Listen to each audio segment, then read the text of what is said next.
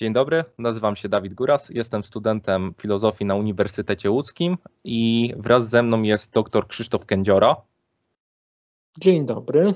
E, e, Doktor Kędziora jest wykładowcą na Uniwersytecie Łódzkim, zastępcą dyrektora filozofii, Instytutu Filozofii, e, opiekunem koła naukowego IDEA, a centrum zainteresowań doktora Kędziory stanowi etyka i filozofia polityki, a sam był autorem książek dotyczących koncepcji Johna Rawlsa. Jeszcze raz dzień dobry panie doktorze i dziękuję za przyjęcie mojego zaproszenia do rozmowy. Dzień dobry i cała przyjemność po mojej stronie. E, razem e, z doktorem Kędziorą będziemy e, rozmawiać o książce Status moralny, obowiązki wobec osób i innych istot żywych. Jest to książka Mary Ann Warren, tłumaczenia Sergiusza Tokariewa. Książka ukazała się w, tysiąc, w, tysiąc, w 2019 roku dzięki wydawnictwu Uniwersytetu Łódzkiego i jest książką z serii Kim jest człowiek. No i dotyczy właśnie statusu moralnego, więc wydaje mi się, że na początku warto byłoby poruszyć kwestię, czym właściwie jest ten status moralny. I jeśli pan pozwoli, to może ja zacznę, gdyż wypisałem sobie taką, takie notatki e, z tej książki, jak e, rozumie status moralny właśnie Warren. E, więc Oczywiście. Może, mhm. więc może to przedstawię. Status moralny określa że istota, która posiada status moralny, to istota zasługująca na namysł moralny lub mająca wartość moralną oraz istota, wobec której podmioty moralności, czyli zwykle e, ludzie, mają lub mogą mieć obowiązki moralne. Czyli jesteśmy zobowiązani do jakichś konkretnych e, czynności. Czy na razie ta teza wydaje się jakaś kontrowersyjna, czy jest to coś, co by z czym zgodziliby się większość etyków, czy może jednak nie?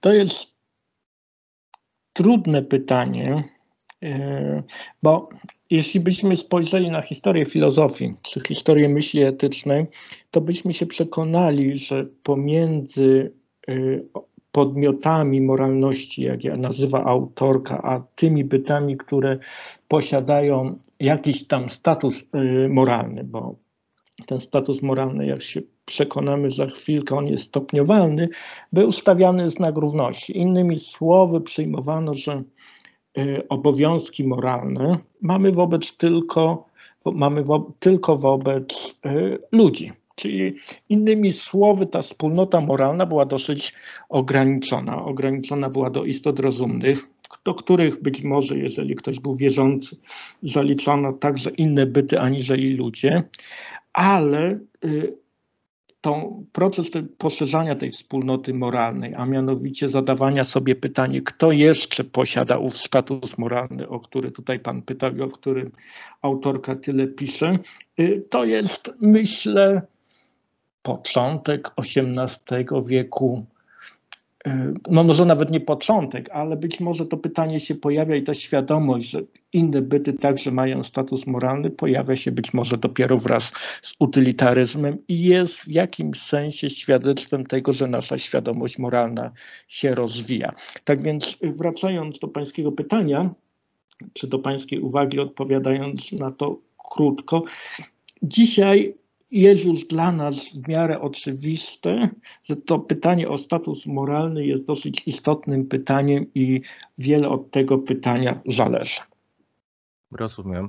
Czy e, wskazał Pan XVIII wiek jako taki moment przełomowy? Mm. Czy właśnie ten status moralny, czy posługiwanie się pojęciem statusu moralnego ma jakiś związek z modą może od tamtego czasu na prawa człowieka w różnych e, konstytucjach?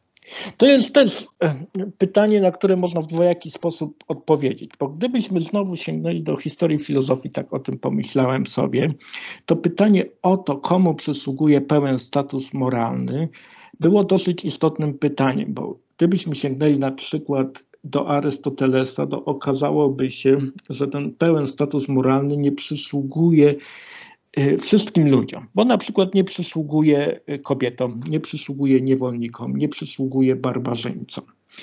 I na przykład wraz y, z powstaniem chrześcijaństwa to pojęcie statusu moralnego zaczęło obejmować coraz większą liczbę ludzi. Znaczy już nie tylko biali heteroseksualni mężczyźni byli uznawani za kogoś, komu ten status y, y, moralny w pełni przysługuje, ale także to były kobiety, także to byli i barbarzyńcy, ba nawet byli to być może i poganie, bo wszyscy przecież byliśmy dziećmi bożymi.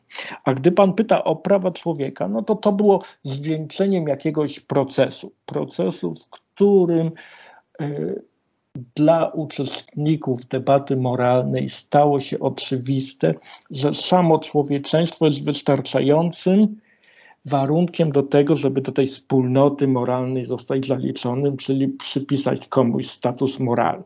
Ale ja jeszcze miałem coś innego na myśli, gdy wspomniałem o XVIII wiek, bo ta nasz, a mianowicie to, że ta nasza refleksja nad statusem moralnym zaczęła wykraczać także y, poza wspólnotę ludzi. Taki Bentham, o którym pewnie będziemy jeszcze mówić tutaj niemało, zaczyna zastanawiać się i zadawać sobie pytania, a nawet dla niego jest oczywiste, że to nie tylko ludzie przecież posiadają status moralny, wszystkie istoty e, odczuwające czy czujące ten status moralny posiadają. I ta, ta, taki ruch tego rozwoju moralnego polegający na poszerzaniu wspólnoty moralnej jest dosyć łatwo w historii zauważalny. I ja tutaj, bo jak pan powiedział, że ja zwróciłem uwagę na XVIII wiek jako na przełomowy, to nie chciałbym się z tego wycofywać teraz w tej chwili, ale być może nie jest tak, że są jakieś takie momenty przełomowe, że to jest raczej y, pewien proces mający charakter ewolucyjny z takimi elementami rewolucyjnymi po drodze. Rozumiem. To może ja się powinienem wy, wycofać, bo to ja użyłem właśnie słowa przełomowy. E, no, ale. Ale ja dałem pretekst ku temu, bo tam ten XVIII wiek, mając na myśli Bentama, wymieniłem. Mhm. Rozumiem. E, Okej. Okay. E, wydaje mi się, że trzeba by było e, rozjaśnić jeszcze może, na czym polega dokładnie czym jest ten status moralny, gdyż może on być e, rozumiany z bardzo różnie, bo status moralny odnosi się do tego, że jakiś przedmiot, jakiś człowiek, jakieś zwierzę posiada pewną cechę, która powoduje w nas pewne obowiązki, można tak to ująć. I te obowiązki wynikają z wartości tego przedmiotu samego w sobie, nie e, z jakiejś relacji e, do innych przedmiotów. Można tu właśnie dać przykład e, tego, jak, jak rozumia, rozumiany był status moralny w starożytnej Grecji. Status moralny obowiązywał tylko mężczyzn, którzy można powiedzieć nawet, że byli tylko obywatelami polis. Ale zabicie czyjegoś niewolnika było również czynem w pewien sposób niemoralnym, ale nie było to czynem niemoralnym ze względu na to, że zabijamy niewolnika, tylko było ze, e, czynem niemoralnym ze względu na to, że zabijamy czyjąś własność, więc krzywdzimy innego e, mężczyznę, obywatela. Czy tak można by to rozumieć? E, tak, ja myślę, że tak, chociaż jak tam się przekonamy w ciągu naszej dyskusji, być może warto o tym teraz wspomnieć, autorka będzie wprowadzała jeszcze takie zewnętrzne kryterium y, tego statusu moralnego, chociaż y, to jest troszeczkę inna sprawa. Tak, bo ja myślę, że tutaj wyjaśniając ten status moralny, ten przykład, który Pan podał, był bardzo dobrym przykładem, bo to pokazuje, że tym, co różniło niewolnika od wolnego człowieka, czyli kogoś, komu ten status moralny przysługuje, jest to, że w jednym wypadku mamy do czynienia po prostu z rzeczą. Tak? No, niewolnik był rzeczą, i dlatego, a rzeczą nie przysługuje y, status moralny. Mhm. Tak? My możemy po prostu naruszyć czyjeś obowiązki, znaczy, albo czyjeś uprawnienia raczej, yy, niewłaściwy sposób obchodząc się z czyjąś własnością. Ale to nie znaczy, że tej rzeczy przysługuje właśnie jakiś status moralny. Tak, mam nawet e, bardzo e, łatwy, wydaje mi się, mhm. fragment, który można przytoczyć, żeby jeszcze bardziej to zobrazować. E, tutaj będę właśnie cytował za Warren.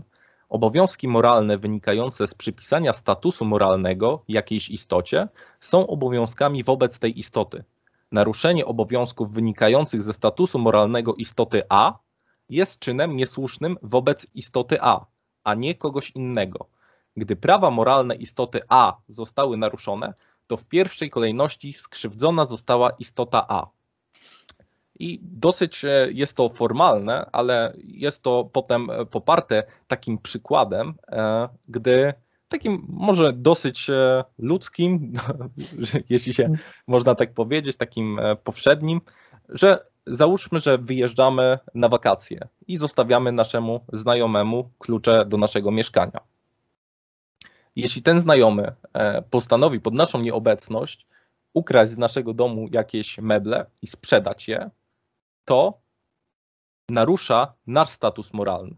Okradł nas, e, jakby narusza naszą przyjaźń, czyni źle wobec mnie, ale sprzedając e, meble, no nie robi źle tym meblom, gdyż większość osób, według większości koncepcji etycznych, te meble e, nie posiadają statusu moralnego, więc bezpośrednio nie krzywdzi tych mebli, tylko krzywdzi nas jako ludzi, którzy posiadali te meble.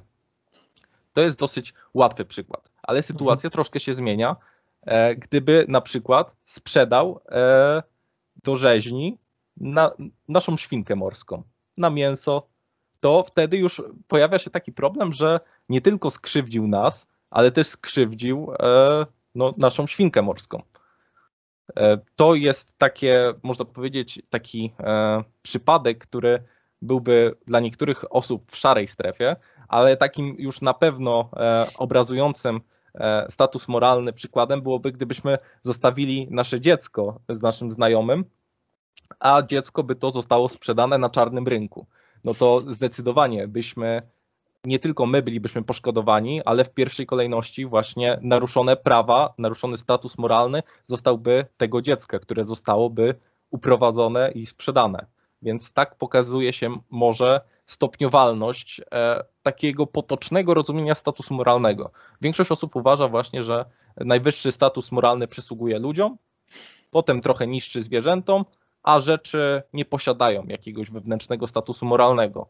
Tak wydaje mi się, że jest to dosyć powszechne rozumienie. E, co pan na to by powiedział? Ja się e, całkowicie zgadzam. Ja myślę, że także autorka by się z nami zgodziła w tej kwestii, bo, bo tym, co i to może się wydawać kontrowersyjne.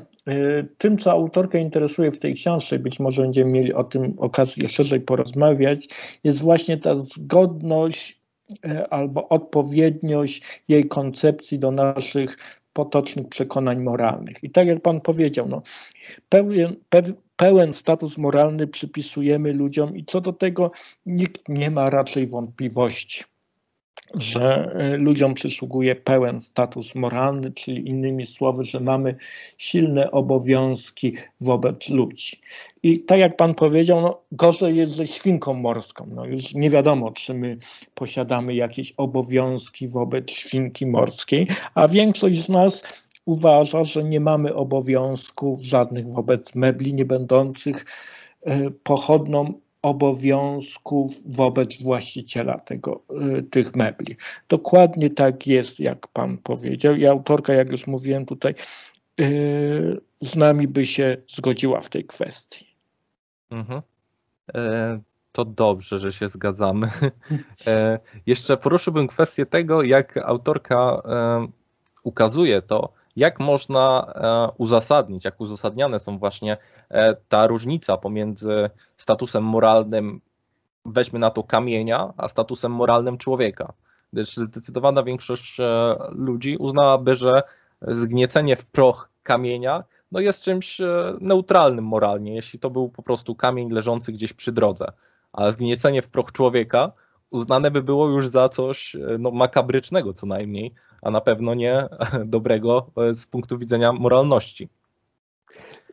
Zgoda, chociaż e, ja e, czytając ten przykład i tutaj nie wiem jak to pan widzi, dla mnie nie jest takie oczywiste, że nawet w przypadku kamienia nie powin- że możemy to zrobić bez jakiegoś sensownego powodu. Mm, no tak, zgadzam się, że mogą się pojawić e, mogą się pojawić pewne rzeczy dodatkowe, ale też e, pojawia się problem, po co mielibyśmy w ogóle coś takiego robić. Właśnie, ja tutaj o tym wspomniałem nie dlatego, żeby e, demonstrować swoją e, oryginalność czy też szczególną wrażliwość moralną na los kamieni, tylko e, też chciałem zwrócić uwagę na to, że w tym pojęciu statusu moralnego kryje się takie oto przekonanie, że wyrządzając jakąś krzywdę komuś, musimy mieć ku temu jakieś istotne racje. I autorka nie chce powiedzieć, że my tej krzywdy nigdy nie możemy wyrządzać, e, ale musimy mieć istotne racje ku temu, żeby to zrobić. I im silniejszy status moralny, tym silniejsze muszą być racje uzasadniające wyrządzenie komuś krzywdy. Tak, absolutnie się zgadzam. To, wydaje mi się, że to jest wątek, który przewija się przez całą książkę i jest obecny zarówno w takiej części pozytywnej, mhm. w której autorka przedstawia swoje zdanie, jak i w jej krytyce e, teorii, które będziemy e, niedługo przedstawiać, czyli teorii, z którymi się nie zgadza i właśnie takie, mm, takie poruszanie kwestii, kiedy możemy popełnić jakiś czyn, kiedy jest on uzasadniony, przewija się w niemal każdym przykładzie, który przytacza, więc wydaje mi się, że to jest zdecydowanie celna uwaga. Mhm. Bo ja jeszcze wrócę do tego kamienia, tak, bo to mnie zafrapowało, bo gdybyśmy nawet mieli do czynienia z osobnikiem, który chodziłby e, po polnych drogach i tak bez żadnego powodu niszczył te kamienie, to też byśmy na niego dziwnie spoglądali. I gdyby to były jakiegoś szczególnego rodzaju kamienie, no to, to może by nas, yy, yy, nasze spojrzenie na tego osobnika miało też takie zabarwienie moralne. Myśmy się zastanawiali, kurczę, po co on to robi? To prawda. Jeszcze sprawa byłaby bardziej podejrzana, gdyby zamiast kamieni miał e, niezwykłą skłonność do niszczenia lalek albo manekinów przypominających jakoś człowieka. Dokładnie tak, dokładnie tak, chociaż to też są przedmioty. Tak. Wydaje mi się, że tutaj wchodzą już takie aspekty e, dosyć psychologiczne i takie można powiedzieć, że interpretujące, e, czemu w ogóle e, ktoś robi taką czynność. Staramy się e, jakby nie, nie oceniać moralnie samej tej czynności, mhm. tylko co może się za nią kryć i do czego ona może w końcu doprowadzić. Tak, tak, bo ja myślę, że y, autorka przyjmuje e, taki dosyć powszechny chyba w e, takie dosyć powszechne w etyce wyobrażenie o podmiotowości moralnej, szczególnie podmiotowości moralnej człowieka, że jednak e, działanie moralne jest związane silnie z przedstawianiem racji na rzecz tego stanowiska. Ale tutaj, jak tam Pan powiedział wcześniej, no jest to silnie obecne w tej książce i myślę, że nieraz będziemy mieli jeszcze okazję do tego wrócić. Mhm. E, autorka na początku książki przedstawiła e, taki przykład, e, właśnie wracając do tej różnicy między człowiekiem a kamieniem. Dlaczego człowiek może być wywyższony? I przedstawiła kilka różnych perspektyw, na przykład perspektywę teistyczną, że człowiek jest wywyższony i ma prawo, mora- ma status moralny, który jest mu zapewniony przez to, że został stworzony na podobiznę Boga. E, został jakoś wywyższony spośród całego stworzenia właśnie przez Boga. Jest też perspektywa deontologii kantowskiej, w której trzeba traktować ludzi jako cele same w sobie, jako podmioty moralności i dlatego właśnie przysługuje im status moralny. Jest perspektywa utylitaryzmu, którą również będziemy poruszać i związana jest ona z tym, że człowiek jako istota czująca, doświadczająca przyjemności i bólu E, powinien być traktowany w ten sposób, żeby zapewnić mu jak największe szczęście albo chociaż jak najmniejsze cierpienie. Tylko, że pojawiają się również perspektywy, które no, nie zgodziłyby się z istnieniem statusu moralnego albo z takim rozumieniem statusu moralnego, jaki prezentuje Warren.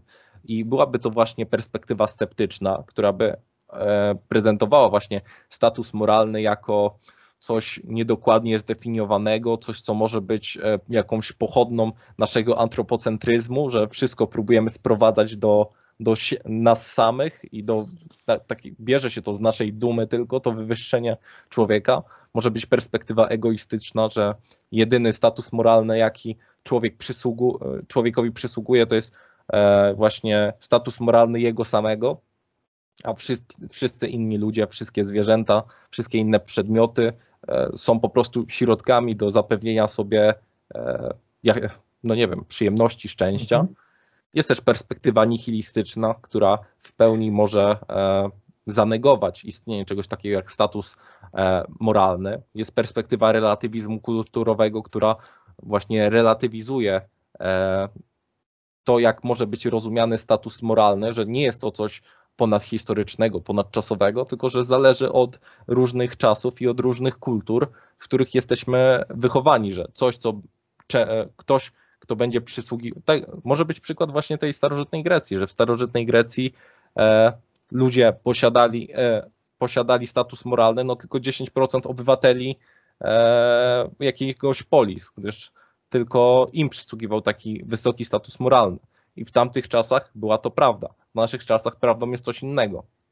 Więc można to tak ująć. No i może być perspektywa subiektywizmu etycznego, czyli że tylko jednostka jakoś może nadawać status moralny i że nie ma jakichś obiektywnych wartości. I te perspektywy, które wymieniłem teraz, te mm, krytyczne w jakiś sposób, czy da się z nimi jakokolwiek e, dyskutować e, w rozmowie właśnie o statusie moralnym? Czy e, ta perspektywa, w której Warren chce ująć ety, etykę, może jakoś się obronić przed tymi, przed tymi zarzutami, lub czy w ogóle może z nimi porozumieć się na jednej płaszczyźnie?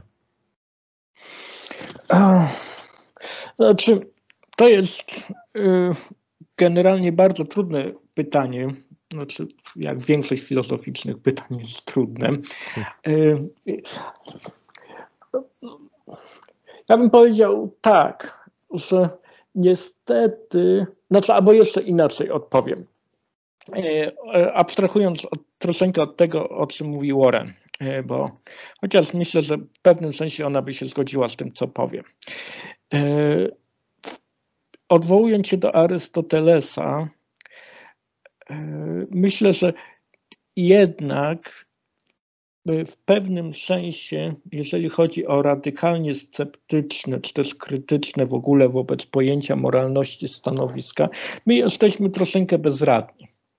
Jesteśmy troszeczkę bezradni, dlatego że chyba musimy, i co autorka robi, porzucić taki ideał ostatecznego, absolutnego uzasadnienia, możliwość wykazania wszystkim, E, że na przykład moralność jest czymś realnym i powinniśmy się przejmować, e, jakby tak powiedzieć,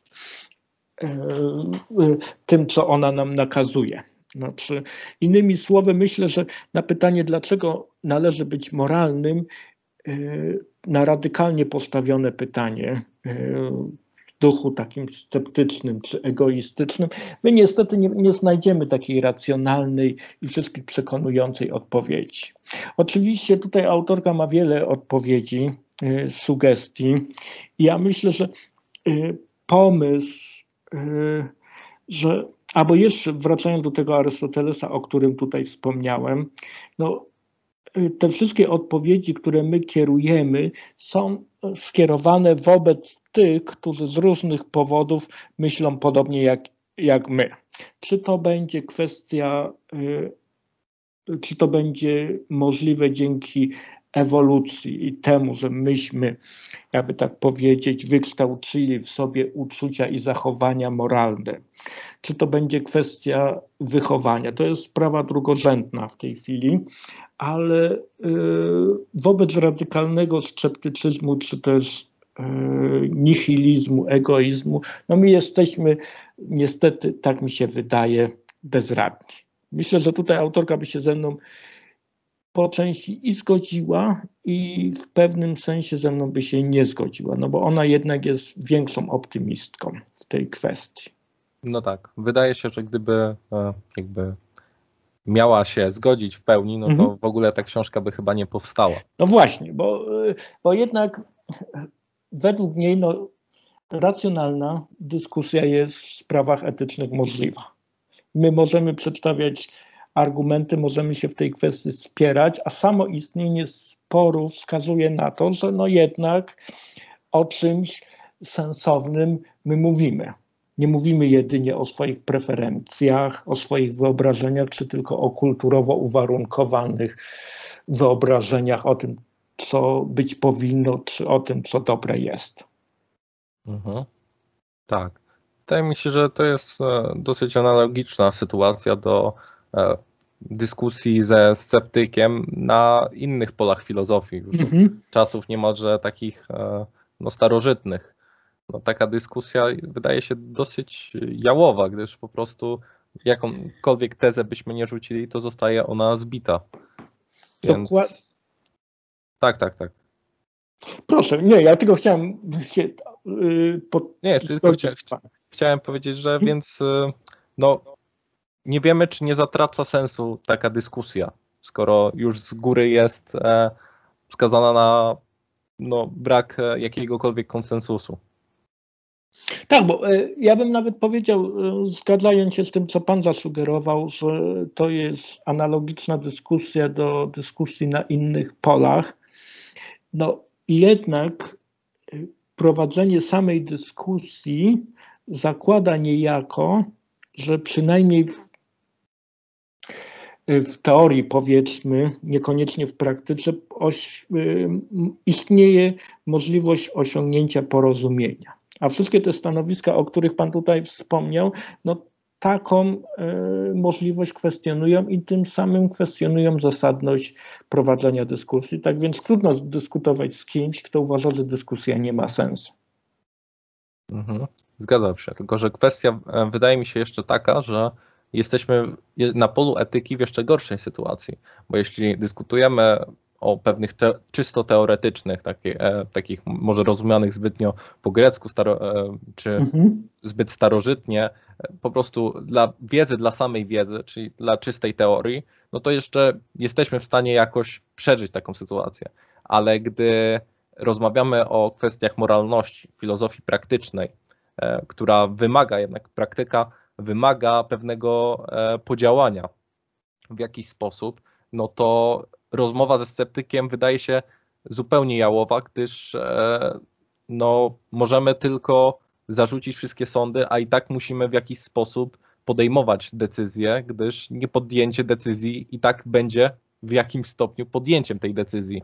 Więc trzeba e, no, po prostu, wydaje się, że sytuacja jest jeszcze gorsza tym, e, w tej kwestii, w kwestiach etycznych, dlatego e, no, wydaje mi się, że rzeczywiście, tak jak Pan już mówił, że jest to rzecz trudna, ale jednak no, przynajmniej Warren stara się po części bardziej optymistycznie wskazać na pewne cechy, które byłyby pewne, pewne argumenty, które byłyby może w jakiś sposób trudne do zbicia przez sceptyków, nihilistów, żeby tak już nie wymieniać Mhm. całej. Y, Bo ja jeszcze jedną rzecz bym dodał i myślę, że autorka by się z nami tutaj zgodziła, bo gdybyśmy się rozejrzeli wokół siebie, y, to byśmy się przekonali, że tych radykalnych sceptyków, radykalnych nihilistów, albo może z, radykalny to jest złe słowo, może konsekwentnych byłoby lepszym słowem, konsekwentnych nihilistów, konsekwentnych sceptyków, to nie ma tak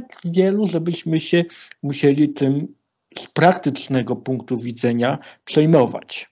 Bo z takiego filozoficznego, czy też jak to Pan powiedział, teoretycznego punktu widzenia, to oczywiście jest to poważny problem.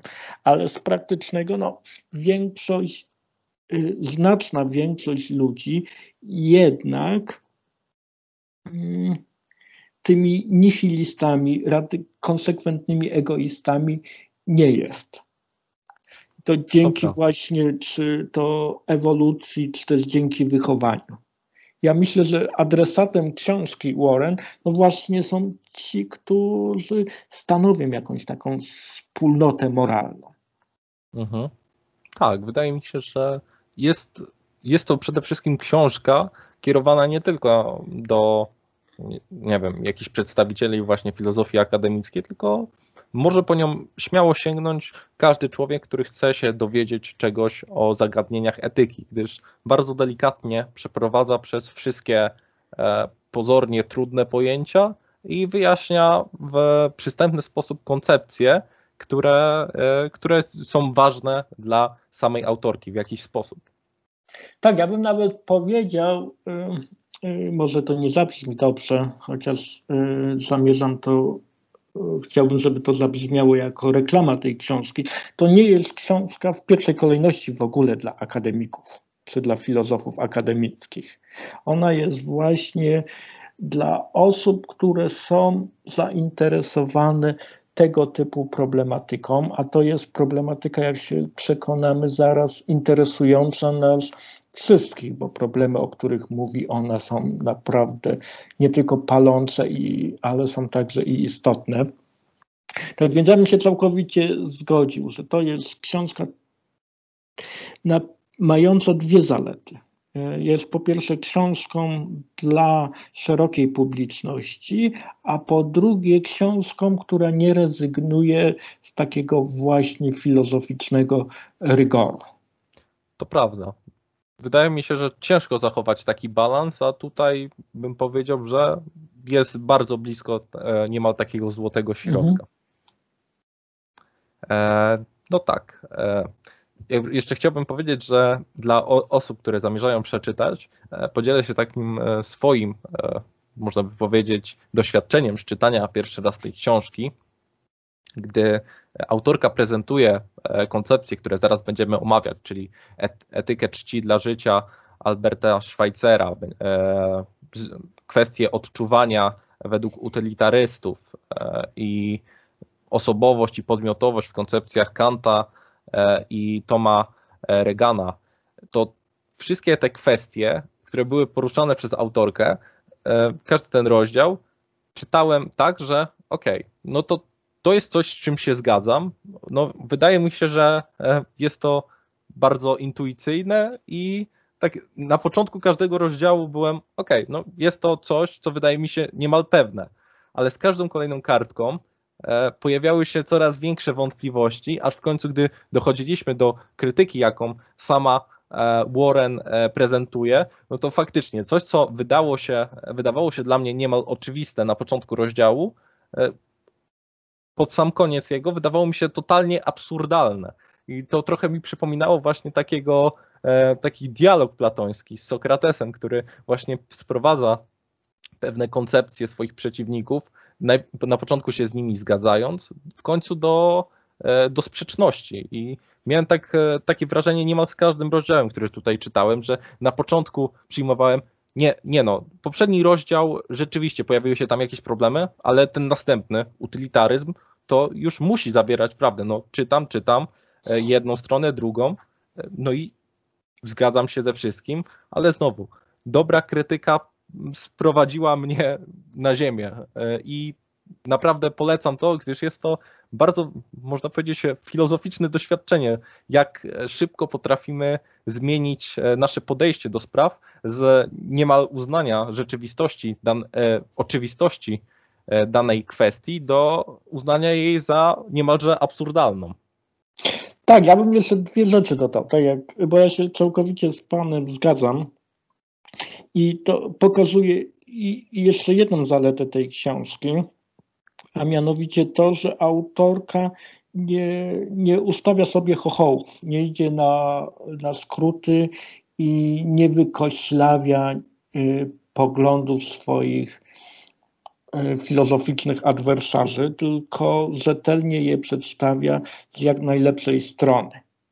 To, to, to zapewne stąd się bierze to wrażenie, o którym Pan mówił, że o, teraz mamy do czynienia z pewnego rodzaju o, y, odpowiedzią na nasze wątpliwości i pytania w mhm. danej koncepcji, no bo ona jest tak przedstawiona z jak najlepszej strony.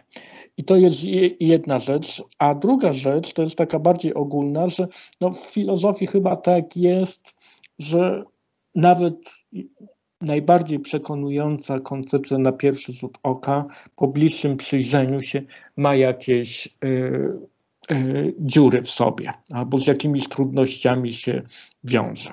Tak więc yy, praca filozofów na szczęście, tak mi się wydaje, yy, nie jest zakończona raz na zawsze. I gdybyśmy tą, tę samą procedurę zastosowali do autorki, to byśmy się przekonali, że pewnie jej koncepcja generuje pewne trudności.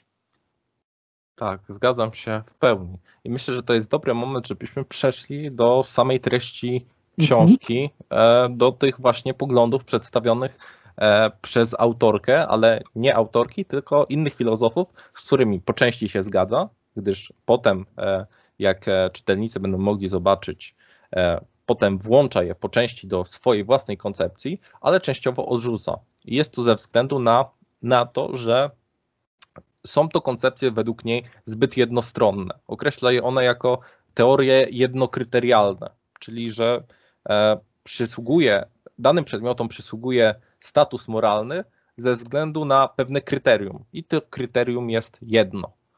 I na początku zajmiemy się teori e, teorią jednokryterialną, która odnosi się do cech wewnętrznych jakiegoś przedmiotu, czyli będzie to etyka czci dla życia Alberta Schweitzera.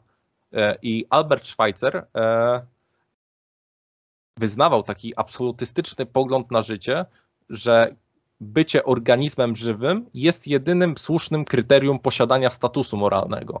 Czyli jeśli jakaś istota żyje, to od razu mamy wobec niej pewne obowiązki moralne, a podstawowym obowiązkiem moralnym wo wobec niej jest po prostu niekrzywdzenie jej lub niezabijanie jej. Wydaje mi się, że tak najłatwiej moglibyśmy to streśli, streścić, jak pan e, uważa. Tak, to jest y, bardzo trafna charakterystyka. Tak, ja bym jeszcze tutaj, albo nie, to może o tym wspomnimy później, ale tutaj to ja nie, nie mam nic do, e, do dodania, bo to jest bardzo trafna charakterystyka. Być może, a może Pan chciał o tym wspomnieć, taką, bo to e, być może będzie interesujące dla słuchaczy. E, osobą, która popularyzowała w Polsce poglądy Szwajcera, była pani profesor Ija Lazari Pawłowska, która była związana z naszym uniwersytetem, była zresztą założycielką katedry etyki, którą reprezentuję. Tak, tak więc, to zgadza się. Tak, tak, tak, więc warto może i o tym wspomnieć. Tak, że... jest to do wyczytania, e, bo sprawdzałem nawet dzisiaj mhm. na stronie, e, na stronie Instytutu w opisie katedry etyki, e, że jednym właśnie z tematów, który się zajmowała katedra etyki, była właśnie koncepcja Alberta Schweitzera. Tak jest. I pani profesor Lazari Pawłowska napisała taką książeczkę z tej znanej serii wszystkim chyba filozofom w Polsce przynajmniej myśli i ludzie o Szwajcerze. Tak. O proszę. No to to. No, I to w 76 roku zdaje się. Tak, bo teraz właśnie sprawdziłem w 76 roku. No tak, no, wydaje mi się, że e, każdy student filozofii chociaż raz miał w rękach e, jakąś książeczkę właśnie z tej serii, gdyż są one no, dosyć pomocne. Tak, szczególnie e, e, to, że często tam można, że często są zawarte jak tłumaczenia PiS, które gdzie indziej nie są dostępne. Mhm. To może jak już jesteśmy mhm. a propos tych cytatów, to przytoczyłbym coś z samego Szwajcera, gdyż mhm. pojawia się taki dosyć, e, no, dosyć taki obrazujący fragment, który prezentuje jakby niemal całą istotę jego koncepcji. E, cytuję: Jestem życiem, które chce żyć pośród życia, które chce żyć. I stąd właśnie Szwajcer wyciąga wniosek, że, znowu cytuję, etyka to bezgraniczna odpowiedzialność wobec wszystkiego, co żyje. Więc właśnie ta kategoria istot żyjących, życia samego, jest najważniejsza w jego koncepcji etycznej. I e, warto też wspomnieć, że u Szwajcera e, to e, jakby zarówno życie, jak i status moralny istot żyjących jest niestopniowalny. E, nie, nie ma tak, że e, życie człowieka jest w jakiś sposób ważniejsze niż życie mrówki. I to, i to jest życiem. Więc i to, i to ma takie samo prawo do życia i można by powiedzieć, że śmierć mrówki jest dokładnie taką samą tragedią jak śmierć człowieka. I tutaj już pojawiają się pewne, pewne problemy, bo na początku, jak przedstawiłem tą koncepcję jako właśnie wywyższenie tego życia, że trzeba dbać o wszystko, co żyje, że życie jest życiem i posiada taki sam status moralny, to wydaje się z początku tezą dosyć e, taką łatwą do przyjęcia. Ale gdy już musimy z tego wywnioskować, że taką samą wartość e, ma życie mrówki czy karalucha, co życie człowieka, no to pojawiają się pewne problemy. I wydaje mi się, że to jest coś, przy czym trzeba by było się zatrzymać, gdyż e, tak jak Pan mówił, autorka e, bardzo, e, bardzo po, e, lubi poruszać kwestię tego, że dana koncepcja etyczna musi być dla nas po części intuicyjna. A jednak wydaje mi się, że nie jest to do końca intuicyjne, żebyśmy uznawali stratę, nie wiem, śmierć karalucha za równą śmierci naszego wujka. Weźmy na taki przykład. Zgoda. Ja tutaj y, się całkowicie zgadzam z tym, co Pan powiedział i jak się przekonamy, argumentacja autorki przebiega zawsze w taki oto sposób, że pokazuje ona, że konsekwencje pewnego stanowiska, szczególnie tego, jak to Pan nazwał, jednokryterialnego, są takimi konsekwencjami, na które trudno nam przystać. No bo tak jak to Pan powiedział, no, Trudno się zgodzić z tym, że śmierć karalucha jest taką samą tragedią jak śmierć kogoś bliskiego dla nas. No, nikt, nie chcę powiedzieć o zdrowych zmysłach, bo to nie o to chodzi, ale nikt na serio chyba nie broniłby tego poglądu i nawet sam Szwajcer chyba by nie bronił tego poglądu. Może tylko tak? Kawka. Tak, może tak, ale y, coś jest nie tak, autorka tutaj mówi i być może ona ma rację. No rzeczywiście coś musi chyba być nie tak z tym stanowiskiem, y, kiedy jest ono sformułowane w taki absolutystyczny i rygorystyczny sposób. Mhm.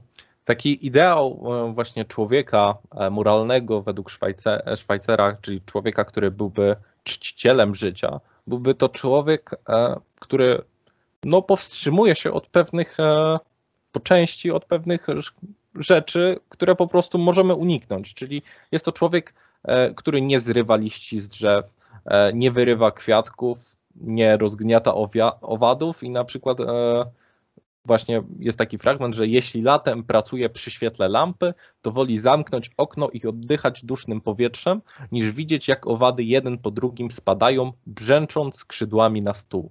Czyli po prostu e, Szwajcer e, próbuje ukazać, że są pewne sytuacje, w których e, po prostu możemy, możemy uniknąć śmierci jakiejś innej istoty żywej przez albo cierpienia dla tej istoty, po prostu powstrzymując swoje akcje, które nie mają dla nas e, większego znaczenia.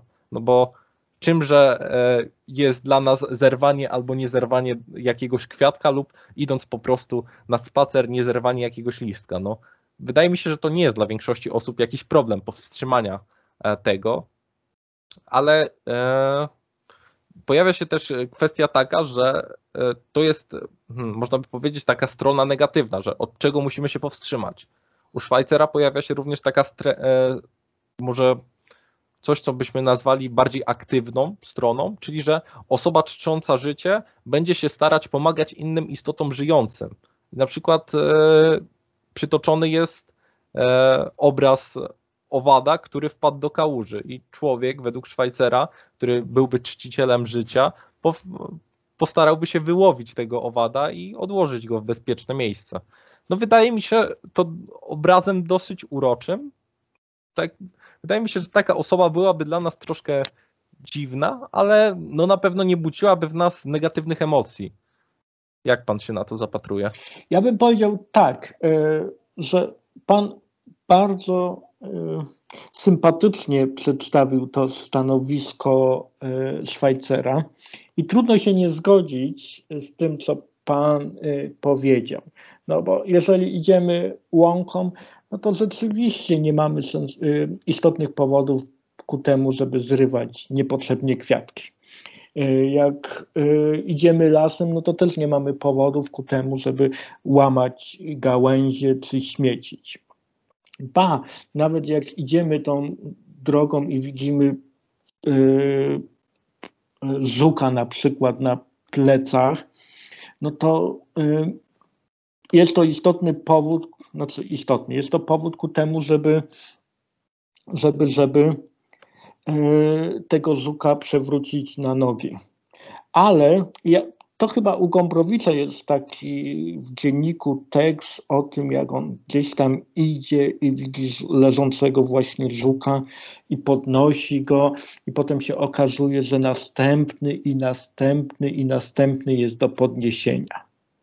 Tak? I to okazuje się w pewnym momencie już niepraktyczne, bo rzeczywiście nie kosztuje nas wiele podniesienia jednego żuka, ale e, wiele wysiłku wymagałoby od nas, nawet e, e, bardzo dużo wysiłku, wymagałoby od nas chronienie czy też ratowanie wszystkich żywych istot. Tak, zgadzam się. Warren nawet a propos mhm. tego e, wskazuje na to, że przyjęcie takiej teorii, e, teorii etycznej wiązałoby się z tym, że no, zniszczyłoby nas niemal poczucie winy. Tego, tak. jak, mhm.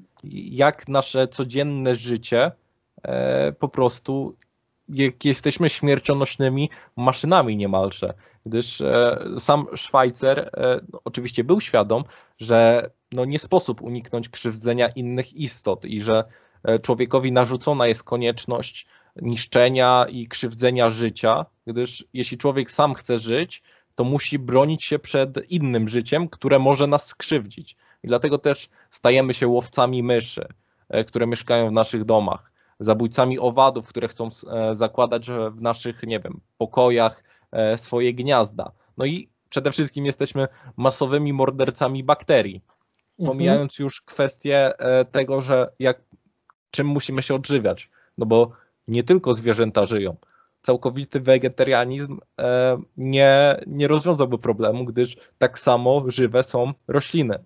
A oprócz zwierząt i roślin, no naprawdę pozostaje nam bardzo mało opcji, co możemy e, jeść. Więc.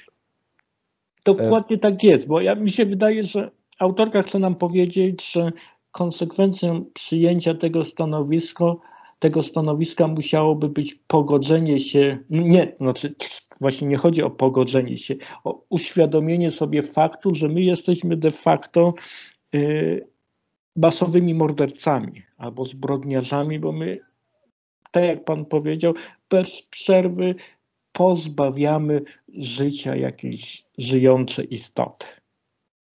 Zgadza się. No i pojawia się też, jest to niepraktyczne, pojawia się nadmierne poczucie winy. Nie mamy praktycznie od tej teorii etycznej żadnych wskazówek, mhm. no bo okej, okay, możemy idąc na spacer nie zrywać e, listków, ale czy nie możemy się przez to kąpać przez całe życie, ani myć zębów, żeby nie zabijać bakterii? No, wydaje mi się, że e, Szwajcer nie, nie, e, nie posunąłby się aż tak daleko, żeby uznać, co powinniśmy zrobić w tej sytuacji, więc no, nie mamy wskazówek, jak postępować właściwie. Możemy tylko starać się minimalizować krzywdę, ale ta minimalizacja krzywdy nigdy nie będzie wystarczająca, że tak powiem. No i też pojawiają się kwestie takiej natury może nie samoetycznej, tylko w jakiś sposób metaetycznej, czyli jak należy rozumieć istotę żywą, e, czym jest to samo życie, e, bo organizmy żywe to nie tylko, nie wiem, nie, nie musimy uznać za organizm żywy, dajmy na to psa, tylko żywe też są e, w jakiś sposób jego organy, jego komórki, E, I też pojawia się problem z tym, które organizmy, e, co zaliczamy do samego organizmu, a co do grupy jakich organizmów. Tutaj autorka przytacza kolonie termitów i gąbkę. Czy należy ich je uważać za jeden organizm, czy za wiele organizmów, no bo jednak w zależności od tego, jak, jak je uznamy, za co je uznamy, to trochę inne mamy wobec nich zobowiązania, więc tutaj wydać, e, wydaje mi się, że dosyć dobrze przedstawiliśmy to, jak na początku niemal oczywista dla nas teoria może się zmienić w coś, co aktualnie niemal całkowicie odrzucamy, gdyż jest to niemalże absurdalne dla nas. Tak, tylko ja bym jeszcze dodał jedną rzecz, bo o tym Pan już wspominał wcześniej, e, ale tak sobie teraz pomyślałem, że to, o czym Pan wspomniał, że na początku ta teoria wydaje nam się sensowna i całkiem przekonująca, to jednak autorka y, zachowuje wiele z tego, co jest w tej teorii przekonujące i zachowuje, y, interesujące. I tak to jest w przypadku każdej z tych teorii, które ona krytykuje, bo przecież żadnej z nich nie odrzuca w pełni. Po prostu pokazuje jej tych koncepcji jakieś ograniczenia jedynie. Ja bym tak to powiedział, bo tak mi się wydaje, e, mogło to tak zabrzmieć, chociaż może to nie była nasza intencja, jak gdyby ona całkowicie odrzuciła tą teorię, tą koncepcję, a jednak przecież tak nie jest, no bo ona coś z tej koncepcji, jak i wszystkich innych zachowuje, prawda? No tak. Staje się niemal podstawową zasadą, chyba nawet pierwszą zasadą tak. jej mhm. koncepcji, właśnie ta cześć dla życia, żeby no, uznać status moralny istot żywych. Tylko, mhm. że wiadomo, jej koncepcja e, jest troszkę bardziej skomplikowana przez to niż koncepcja Szwajcera, gdzie mamy albo czarne, albo białe. Albo jesteś żywy i masz status moralny, albo jesteś nieżywy i nie masz statusu moralnego. Zgoda. Tak, ale to jest taka strategia argumentacyjna charakterystyczna dla całej tej książki po prostu te jednokryterialne koncepcje są nomen omen jednostronne i y, bierzemy z nich to, co najlepsze i próbujemy obejść jakoś te trudności, które one mogą generować, a obejściem tych trudności, najlepszym sposobem na ich obejście jest właśnie wprowadzenie bardziej skomplikowanej struktury argumentacyjnej czyli tej wielokryterialnej, o czym już tutaj wspominaliśmy. Pełna zgoda. To wydaje mi się, że możemy już przejść do mhm. E, drugiego naszego przykładu. Patrząc na czas, wydaje mi się, że zdążymy przerobić e, trzy przykłady, e, czyli zajmiemy się tymi jednokryterialnymi wewnętrznymi poglądami. Teraz przejdziemy do właśnie poglądu utylitarystycznego, a na koniec zostawimy sobie Kanta i podmiotowość różnie rozumianą. Mhm. E, to tak, to może ja zacznę a propos utylitaryzmu.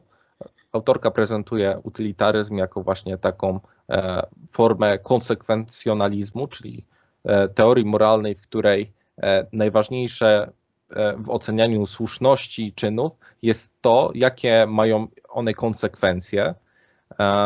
No i utylitaryzm w gruncie rzeczy opiera się na tym, że zawsze powinniśmy dążyć do zwiększenia użyteczności lub tego, co jest dobre samo w sobie. I ta użyteczność może być e, opacznie zrozumiana.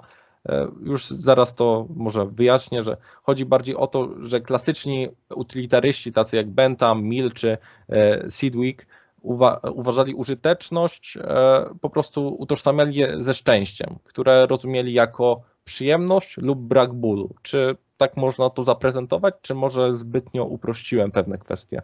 Nie, to jest trafna charakterystyka hedonistycznego utylitaryzmu. Mhm. Tak, zgadza się. E, jeszcze warto chyba wspomnieć o tym, że e, Mill e, starał się, jakby dostrzegał pewne problemy z takim czysto hedonistycznym utylitaryzmem, który e, ocenia tylko dane Mm, czynności, dane konsekwencje pod względem ilości przyjemności i dlatego Mille próbował e, jakby rozróżnić nie tylko ilościowo, ale też jakościowo i zrobił podział na e, pewne przyjemności niższe, czyli cielesne i wyższe, duchowe, które miały jednak, miały jednak w jakiś sposób wpływ na to, jakie rzeczy człowiek wybiera. No i jakby ta prezentacja takiego klasycznego utylitaryzmu e, doprowadza autorkę do tego, w sumie do samego meritum e, tego rozdziału, czyli do postaci e, Petera Singera, który określa siebie sam jako utylitarystę preferencji. Czyli uważa on, że mm, kryterium do oceny jakichś czynności względem danych jednostek nie jest samo jakby doświadczenie przyjemności i cierpień, tylko wzięcie pod uwagę, co, ta co, co dana istota preferuje, żeby się z nią stało. Czy wydaje mi się, że może to troszkę źle przedstawiłem. Jeśli mógłby Pan od tej, tego momentu przejąć jakąś pałeczkę a propos tego Singera, mhm. to bym prosił, bo. Znaczy, to jest y, bardzo interesująca kwestia. Ja tutaj pewności nie mam. Trzeba by było zapytać moją koleżankę też, panią y, de Lazari Radek. Ja nie jestem pewien, czy Zinger y, nie, nie powrócił na stanowisko hedonistycznego utylitaryzmu, odrzucając utylitaryzm preferencji, ale rzeczywiście autorka Warren tutaj e, polemizuje, przedstawia stanowisko Zingera e, i polemizuje ze stanowiskiem tak zwanego utylitaryzmu preferencji. I według tego stanowiska e, niektóre byty, bo nie wszystkie byty, mają po prostu pewnego rodzaju preferencje. I Y, tym, co my mamy robić, dokonując rachunku utylitarystycznego, to po prostu mamy ważyć y, wagę tych preferencji, czy też interesów, jak to się czasem mówi, y, pod względem ich intensywności, czy też siły tych interesów, a i jak ich ilość. Podam może jakimś przykładem, to zilustrujemy, żeby to stało się bardziej zrozumiałe. No na przykład interes Y, mój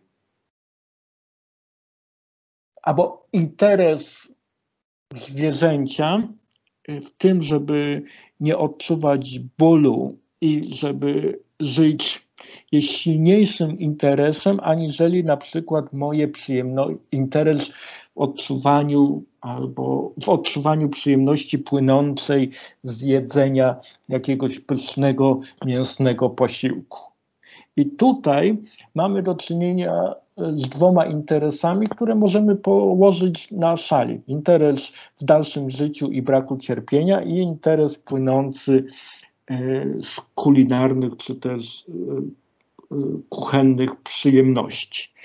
I ten interes życiu, czy też tą preferencję dla życia jak łatwo się może okazać, no ona przeważa. Oczywiście możemy zadać sobie zasadne pytanie i autorka to zasadne pytanie sobie zadaje, kiedy te preferencje są silniejsze, kiedy one są słabsze i jak my możemy tego rachunku dokonać, co nie jest rzeczą dosyć oczywistą. Ale yy, yy, tym, co jest zaletą tego utylitarystycznego stanowiska preferencji, jest to, że nie bierze się pod uwagę tego, kto te preferencje czy też interesy ma. Taki sam interes yy, yy, liczy się tak samo bez względu na to, czy to jest interes człowieka, czy na przykład, yy, nie wiem, jakiegoś y, ssaka, czy innego zwierzęcia. Mhm. E, tak, to jest właśnie ciekawa kwestia, że e, jakby nie ma tutaj, można by powiedzieć, takiego e, szowinizmu gatunkowego, mhm. z którym właśnie Singer próbuje walczyć. Bo tak jak pan powiedział na początku, to Bentham, proszę mnie poprawić, jeśli się mhm. mylę, ale dopiero wziął pod uwagę zwierzęta w tym rachunku utylitarystycznym. Czy wcześniejsi utylitaryści albo inni po nim e, uwzględniali tylko ludzi?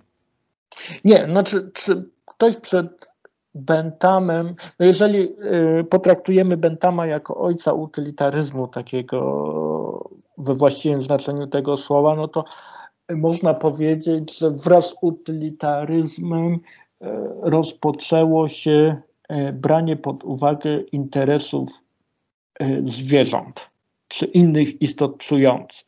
No bo Bentham i Sidwick y, mówili, że przecież to nie tylko ludzie są zdolni do odczuwania przyjemności i przykrości. Tak więc z tego wynika, że nie tylko ludzi powinniśmy brać pod uwagę w tym utylitarystycznym rachunku. I jeżeli sobie uświadomimy czasy, w jakich oni żyli, to to, to ta teza, która dla nas wydaje się dosyć oczywista, wbrew pozorom, no miała rewolucyjny charakter. Tak. Chyba nawet określano Bentama jako radykalistę filozoficznego, jeśli się nie mylę. Mhm. Więc no bo to, to było radykalne, y, radykalne stanowisko i ono jest radykalne do dnia dzisiejszego. No tak, no, wokół Singera przecież było bardzo dużo kontrowersji, mhm. chyba związanych właśnie z książką Wyzwolenie zwierząt, e, ale też z tym przykładem, wydaje mi się, a propos e, aborcji. No, mhm. ale to wydaje mi się, że e, możemy wrócić do jakby samego meritum już nie, nie rozdrabniając się, chyba że... To ja jeszcze tylko jedną rzecz dodam, bo ja używam często tego określenia radykalne i tutaj użyłem tego słowa w tym oto znaczeniu, że utylitaryzm i to jest też zarzut y, Warren pod adresem utylitaryzmu, często, y, często to może nie, ale prowadzi do rozbieżności z naszymi potocznie, potocznymi takimi intuicyjnymi przekonaniami moralnymi albo przekonaniami moralnymi większości ludzi. Mhm. Chyba warto by jeszcze wypunktować tak e, dla, dla samego e, odróżnienia, bo w koncepcji e, Szwajcera e, status moralny przysługuje wszystkim istotom, które żyją. To tak to jakim istotom przysługiwałby status moralny właśnie w koncepcji utylitaryzmu? Tu ja jedną rzecz chciałem, na jedną rzecz chciałem zwrócić uwagę, bo y, jeśli spojrzymy na to, jak ta książka jest skonstruowana, to y, nie bez powodu, wydaje mi się, autorka przedstawia tę koncepcję w takim, a nie innym porządku. No bo y, jeżeli zaczniemy od Szwajcera, to zobaczymy, że ta wspólnota moralna, o której on mówi, czyli ta wspólnota bytu, w którym przysługuje pełen status moralny, jest najszersza, prawda? No bo ona obejmuje wszystkie istoty żywe. Natomiast jeśli przejdziemy do utylitaryzmu, okazuje się, że ta wspólnota moralna jest nieco węższa, a mianowicie już nie obejmuje wszystkich istot żywych, tylko te istoty żywe, które są zdolne do odczuwania przyjemności i przykrości.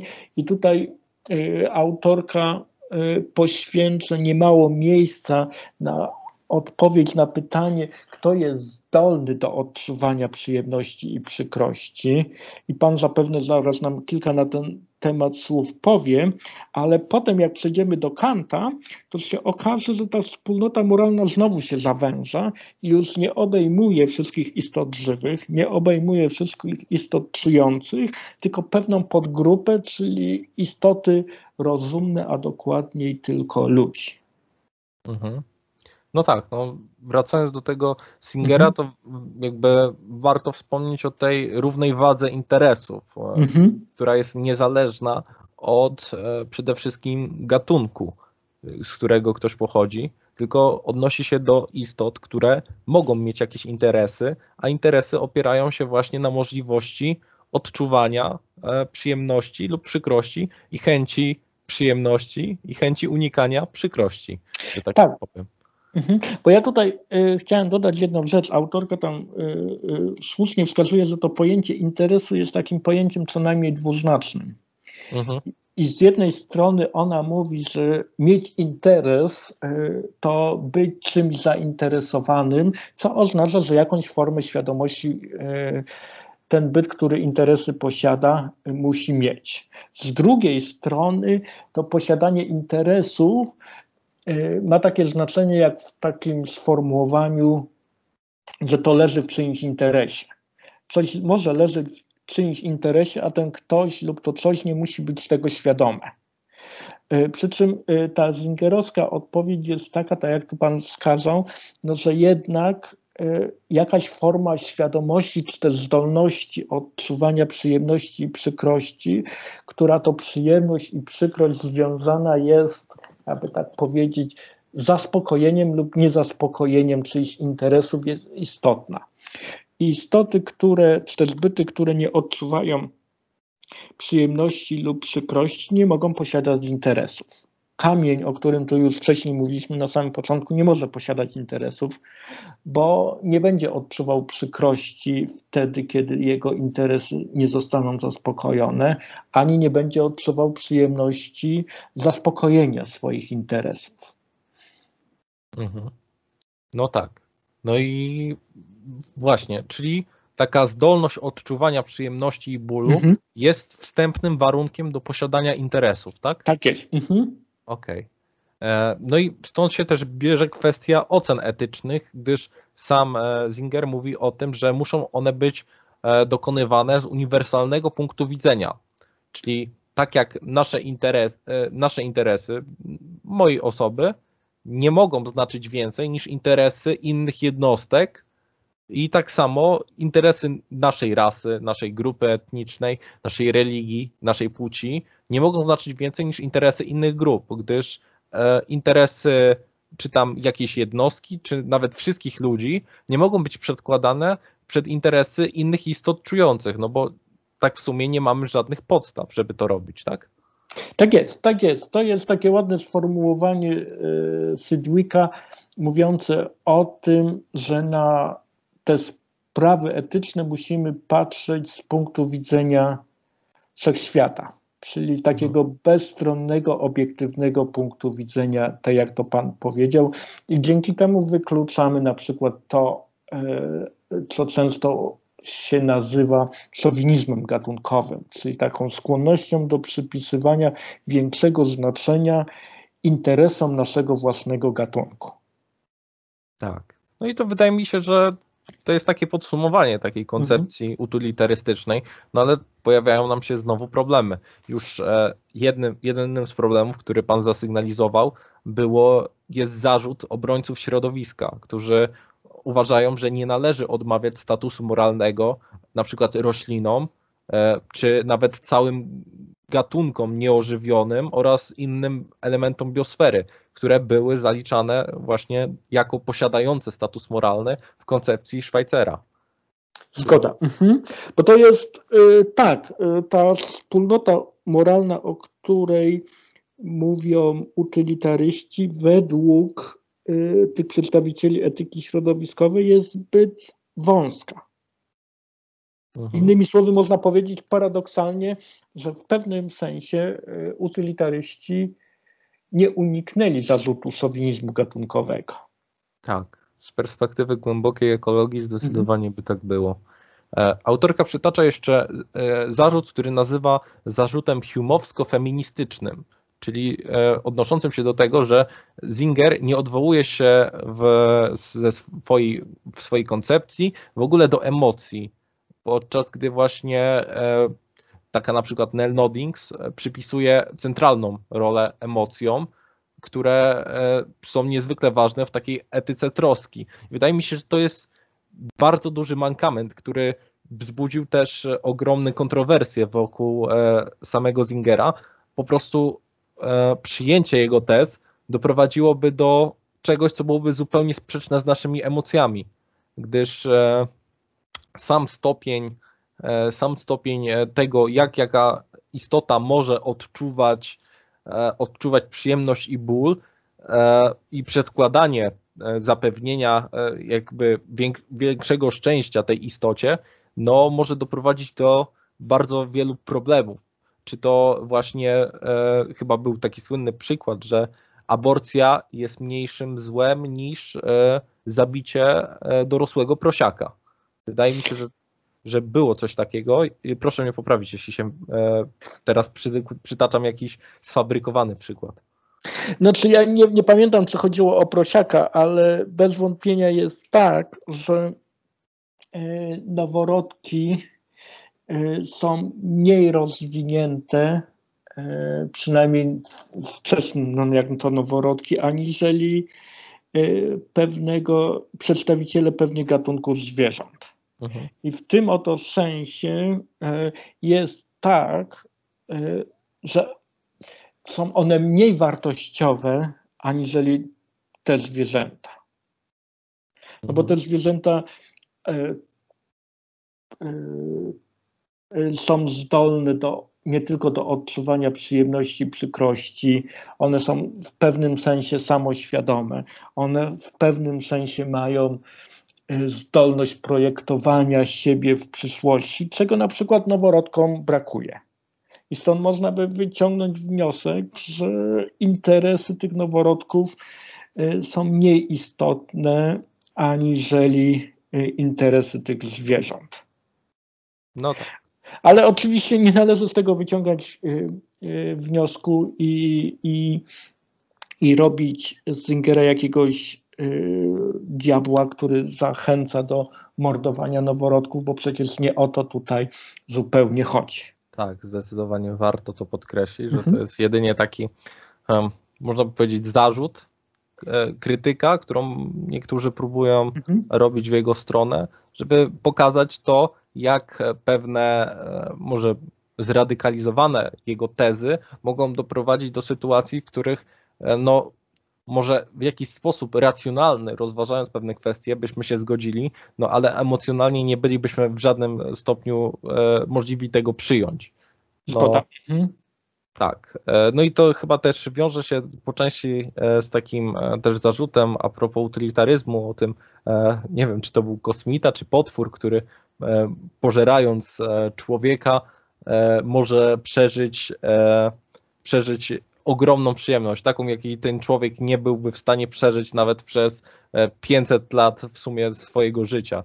I czy w takim, e, w takim przypadku powinniśmy oddać e, takich ludzi na pożarcie, żeby zwiększyć sumę szczęścia we wszechświecie? No ale to już są takie dosyć, e, można powiedzieć, czysto teoretyczne przykłady, a warto pamiętać, że Warren e, stara się podawać takie najbliższe nam przykłady, więc jeśli prezentuje pewne kwestie, no to właśnie je sprowadza do takich współczesnych zagadnień kontrowersyjnych, czyli aborcji, eutanazji i na przykład eksperymentów na zwierzętach.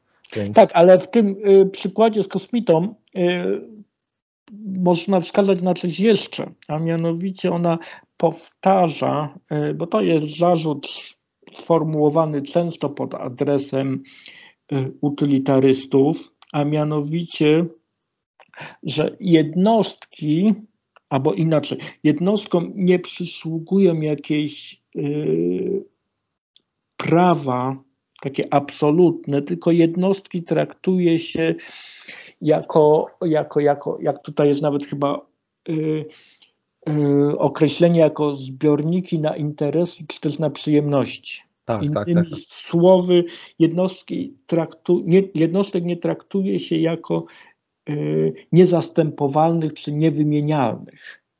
Jeżeli sobie możemy wyobrazić sytuację, w której jednostka A przeżyje tyle samo przyjemności, co jednostka B, to nie ma z punktu widzenia utylitaryzmu powodów, żeby nie zastąpić jednej drugą. A jeśli jednostka A y, przeżyje więcej przyjemności aniżeli jednostka B, no to mamy silne powody, żeby zastąpić ją żeby jedną drugą zastąpić. I to mhm. kłóci się według mnie z tym przekonaniem bardzo silnym i myślę, że uzasadnionym, e, że ludzie przynajmniej są niezastępowalni, że każda jednostka ma taką nieskończoną wartość.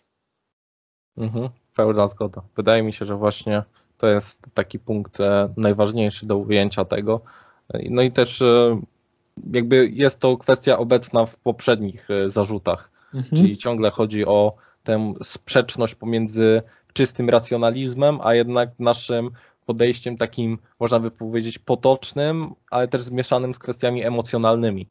I wydaje mi się, że to jest też e, obecny zarzut, który będzie się odnosił do następnej koncepcji, czyli do koncepcji Kanta i koncepcji podmiotowości, jako, no można powiedzieć, jedynego e, warunku statusu moralnego, e, posiadania statusu moralnego. E, zgoda, tylko ja bym jeszcze dodał jedną rzecz, tak, tak sobie teraz myślę, uzupełnił to, co Pan przed chwilką powiedział, a mianowicie jest tak, że ten zarzut, który Warren podnosi z takiej pozycji humowsko-feministycznej, jak tutaj zostaje przez nią określony, jest zarzutem, który w takim samym stopniu można odnieść zarówno do utylitaryzmu, jak i na przykład do kantyzmu, o którym teraz będziemy mówili. E, to bez wątpienia tak jest, bo to są koncepcje, które silny nacisk kładą na pojęcie bezstronności, na pojęcie zasad i negują znaczenie tych więzi społecznych i emocjonalnych.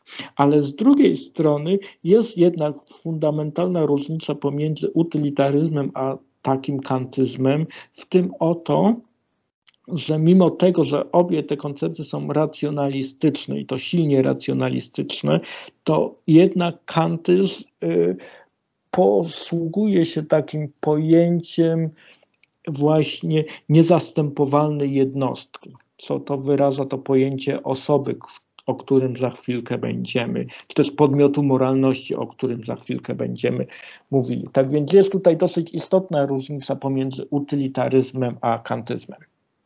Mhm. No to może na początek warto by było przypomnieć chyba najsłynniejsze zdanie z Kanta, czyli dwie rzeczy napełniają umysł coraz to nowym i wzmagającym się podziwem i czcią. Im częściej i trwalej nad nimi się zastanawiamy. Niebo gwiaździste nade mną i prawo moralne we mnie. No i właśnie chodzi głównie o to prawo moralne, gdyż to w podmiocie, w człowieku mhm. jest czymś, co według Kanta no, stanowi o tym, że e, ktoś e, no, może posiadać jakikolwiek status moralny. No, może nie jakikolwiek, gdyż wydaje mi się, że u Kanta mielibyśmy znowu e, mm, do czynienia z pewną perspektywą absolutystyczną. Czy nie tak? Tak. Tutaj trzeba się zgodzić z tym, co Pan powiedział. Kant jest absolutny artystą moralnym w tym oto sensie, że przypisuje absolutny status moralny tylko ludziom. No, albo istotą, czy też jak, ona, jak Warren to nazywa, podmiotom moralności, a mianowicie tym bytom, które są zdolne do działania moralnego. I to jest y, absolutystyczny pogląd w tym oto sensie, że ten status moralny jest właśnie czymś, co radykalnie odróżnia człowieka od innych istot czy bytów. Bo wszystkie te inne istoty czy byty, one są właśnie wymienialne. My możemy, nie wiem, jedną kurę zamienić na drugą i nic takiego się nie stanie. Oczywiście y, możemy być bardziej przywiązani do naszego psa czy do psa sąsiadów, no ale to nie ma, nasze przywiązanie nie ma charakteru moralnego, by Kant mógł tak powiedzieć. Ale nie możemy zastąpić jednego człowieka drugim, bo czy, czy rzeczą jakąś, tak? No bo to, to są rzeczy niezastępowalne, one mają absolutną wartość, nie mają wartości wymiennej. Ludzie nie są rzeczami. Mhm.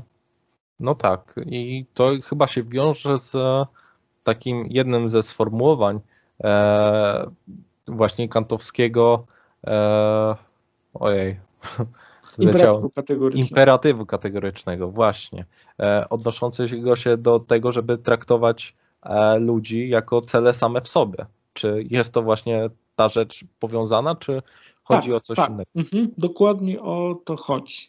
Znaczy tam w tym sformułowaniu y, imperatywu kategorycznego, o którym Pan przed chwilką wspomniał, to chodzi, tak jak Pan powiedział, że my mamy zawsze traktować innych, nawet jeżeli wchodzimy w, z innymi w relacje, które mają charakter instrumentalny, zawsze jako cel sam w sobie, a nigdy tylko jako środek. Innymi słowy, zawsze musimy postępować tak, jakby Y, druga osoba nie była rzeczą.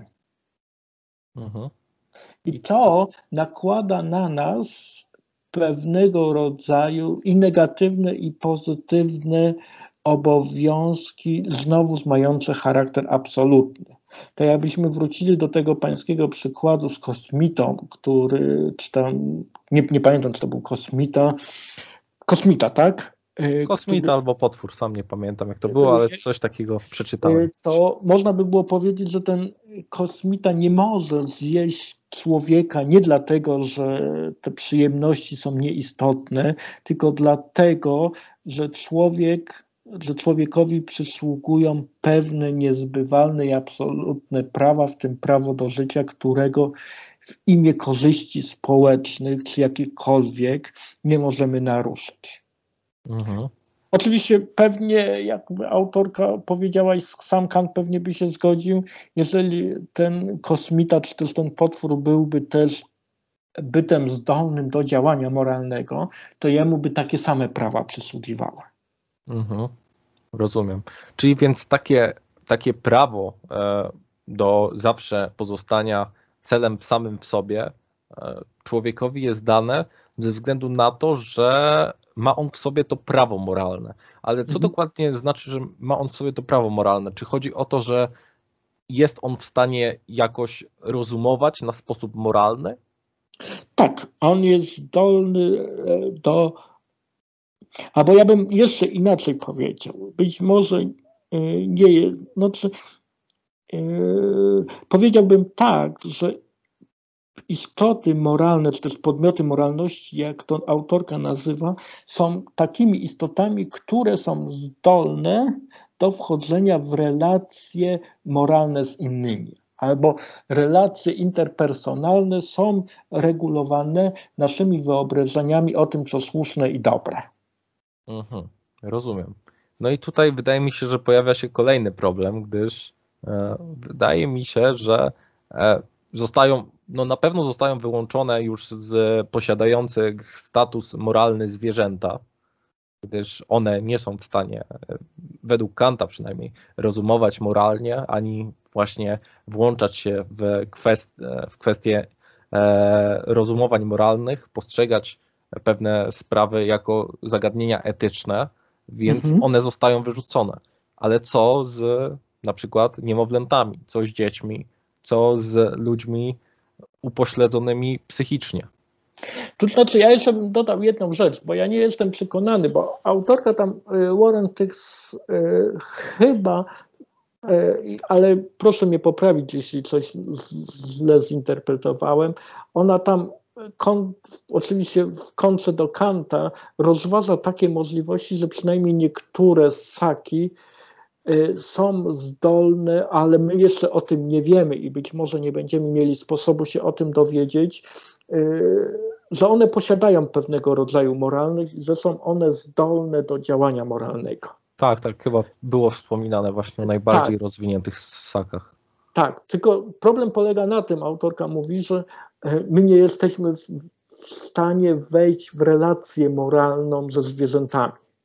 Nawet jeśli one pomiędzy sobą są zdolne do jakichś zachowań moralnych i to nie tylko w tym oto sensie, że one e, wyrządzają sobie nawzajem jakieś korzyści, czy też zachowują się altruistycznie, ale jakby tak powiedzieć, negocjują swoje zachowanie według pewnych wyobrażeń moralnych, bo i ona takiej możliwości nie wyklucza, ale my nie jesteśmy w stanie z tymi zwierzętami E, negocjować właśnie, przynajmniej na razie, e, w niektórych wypadkach nie jesteśmy w stanie negocjować e, wspólnego, wspólnych reguł zachowania międzygatunkowego. Bo mhm. jak tam, tam ona rozważa taki przykład, ja niestety nie mam pamięci, ale pewnego gatunku szympansów chyba, które, nau, które nauczono języka migowego tak, co, co wskazywało, że one jakieś tam szczątkowe przynajmniej wyobrażenia moralne mają. Tak, tak. Była tam właśnie poruszona kwestia zagadnień moralnych i właśnie e, jakiegoś wyrażania ich w języku. Mhm. Ale przez e, no, naszą niemożliwość dotarcia do tego, jesteśmy postawieni w takiej sytuacji, że chyba z perspektywy takiej kantowskiej no nie możemy jako człowiek uznać, e, uznać właśnie statusu moralnego takich istot. Dokładnie tak. I to jest ten drugi problem, o którym Pan wspomniał, a mianowicie ludzi, którzy także albo utracili zdolność do bycia podmiotami moralności, albo tej zdolności nigdy nie, nie, nie rozwinęli. I to jest, ja myślę, tutaj oczywiście kantyści, e, czyli nie tylko Kant, ale także filozofowie, którzy w tym duchu myślą, mają jakieś sposoby odpowiedzi na, to, na tę trudność, na przykład wskazując, że te osoby są potencjalnie zdolne do tego, ażeby taką zdolność sobie zaktualizować czy też rozwinąć, ale jest to, e, i tu się wypada z Warren zgodzić, poważna trudność dla tego typu stanowisk. No tak. Jeżeli uznamy, no wydaje mi się, że to jest dosyć okrutne, gdybyśmy musieli uznać e, czy to niemowlaków, czy osoby e, ciężko chore e, za e, no, nieposiadające statusu moralnego. Wydaje mi się, że mogłoby to przywodzić na myśl pewne niezbyt dobre czasy w historii XX wieku. Zgoda, tak, dokładnie tak jest. Znaczy, ja myślę, że żaden kantysta by nie powiedział, że niemowlaki są pozbawione statusu moralnego, mhm. ale z filozoficznego punktu widzenia no, e, jest to trudne do wykazania, przyjmując e, za warunek konieczny i wystarczający, tak jak oni to robią, właśnie tą e, podmiotowość moralną. Ale trzeba chyba też powiedzieć, że e, pomimo, że ani roślinom, ani zwierzętom, ani nawet niektórym ludziom nie jest przyznawany status moralny, no to według Kanta nie możemy po prostu od tak podejść e, do zwierzęcia i go zabić. Ale jak to jest rozwiązane? W sensie, co tak to zabrania nam e, dokonać takiego czynu na zwierzęciu? To jest y, odpowiedź, chyba już nawet była niesatysfakcjonująca w czasach Kanta, bo to jest odpowiedź, że to jest konsekwencją naszego obo naszych obowiązków wobec samego siebie, a mianowicie zachowując się okrutnie w stosunku do zwierząt, my w sobie wyrabiamy okrucieństwo i tym samym okrutnie możemy także zachowywać się wobec innych. Mhm. No i... Innymi słowy, e, nasze obowiązki wobec zwierząt, ale i także można by było generalizując ten argument powiedzieć, że wobec innych istot żywych, nie tylko odczujących, są odpryskiem naszych obowiązków wobec samego siebie, a, a przede wszystkim wobec innych ludzi. Mhm. Okej, okay, rozumiem. Czyli też po części byśmy, e, robiąc to, zabijali takie człowieczeństwo w nas samych. Dokładnie tak jest. Może nawet nie tyle, co zabijali, ale co to człowieczeństwo w jakimś sensie obrażali. Mhm. A mo, nie, nie, albo może tak. To jest może i dobre określenie. No dobrze.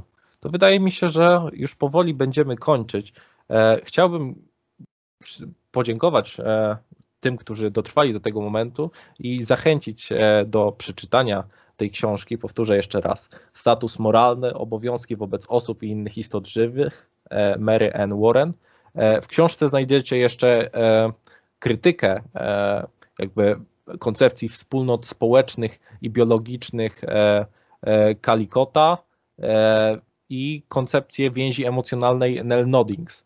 I po właśnie krytyce jakby tych koncepcji, które teraz przedstawiliśmy razem z doktorem Kędziorą i tych, o których powiedziałem teraz, autorka E, prezentuje własną koncepcję, która polega na określeniu zasad, które będą łączyły w sobie e, wszystkie elementy tych e, pięciu koncepcji, dając razem obraz, można by powiedzieć, takiej skomplikowanej, ale dosyć pełnej i intuicyjnej teorii etycznej. Jak się pan na to zapatruje? Czy... Ja się Całkowicie zgadzam. Innymi słowy, można powiedzieć, że to, co najciekawsze, e, chociaż to, o czym mówiliśmy, było także bardzo ciekawe, zostawiliśmy e, samym czytelnikom. Tak więc myślę, że to jest największa e, zachęta do przeczytania tej książki, bo pomysł na rozwiązanie wielu praktycznych i teoretycznych problemów, który, z którymi my się na co dzień borykamy. Nie tylko jako filozofowie, ale także jako zwykli ludzie, jeśli można użyć takiego określenia, autorka miała bardzo ciekawe. Tak. No Bardzo ciekawy, tak. nie dość, że przedstawia swoją koncepcję, to jeszcze pokazuje na praktycznych przykładach, jak ona działa. E, Właśnie poruszając te trzy najważniejsze kwestie, e, można by powiedzieć, właśnie e, bioetyki, czyli kwestie aborcji, kwestie eutanazji, kwestie doświadczeń na zwierzętach. I to, jak jakby te jednokryterialne koncepcje no, doprowadzają do niemal absurdalnych kwestii, a jej koncepcja, jako łącząca w jakiś sposób je wszystkie, e, pozwala wyrobić pewien spójny i dosyć intuicyjny, e, nie wiem, e, metodę rozwiązywania takich problemów etycznych, jeśli można to tak nazwać. Więc e, bardzo zachęcamy e, do przeczytania tej książki, gdyż jest to pozycja ciekawa, zwłaszcza dla osób, które dopiero rozpoczynają swoją przygodę z, ze współczesną etyką. I Tak, tak, Tak. jest. Ja bym jeszcze, jeśli jedno słowo mogę, jedno zdanie raczej, to ja bym powiedział, że też wielką zaletą tej książki jest to, albo dwie ma zalety. Po pierwsze, ona y, bardzo ładnie, o czym Pan mówił, systematyzuje nasze poglądy. Innymi słowy, pozwala nam na, daje nam takie miłe przekonanie, że dobrze myśleliśmy i dzięki przeczytaniu tej książki wiemy, dlaczego dobrze o pewnych sprawach myśleliśmy, a po drugie ona stanowi dobry punkt wyjścia do dalszych studiów, bo jak łatwo się domyśleć, słowo autorki nie jest ostatnim słowem w tych wszystkich dyskusjach. No nic dodać, nic ująć. Bardzo panu e, dziękuję e, za Dziękuję. wspólną rozmowę. Tak jak już- już wielokrotnie mówiłem, był z nami e, doktor e, Krzysztof Kędziora, no i ja, e, Dawid Góra.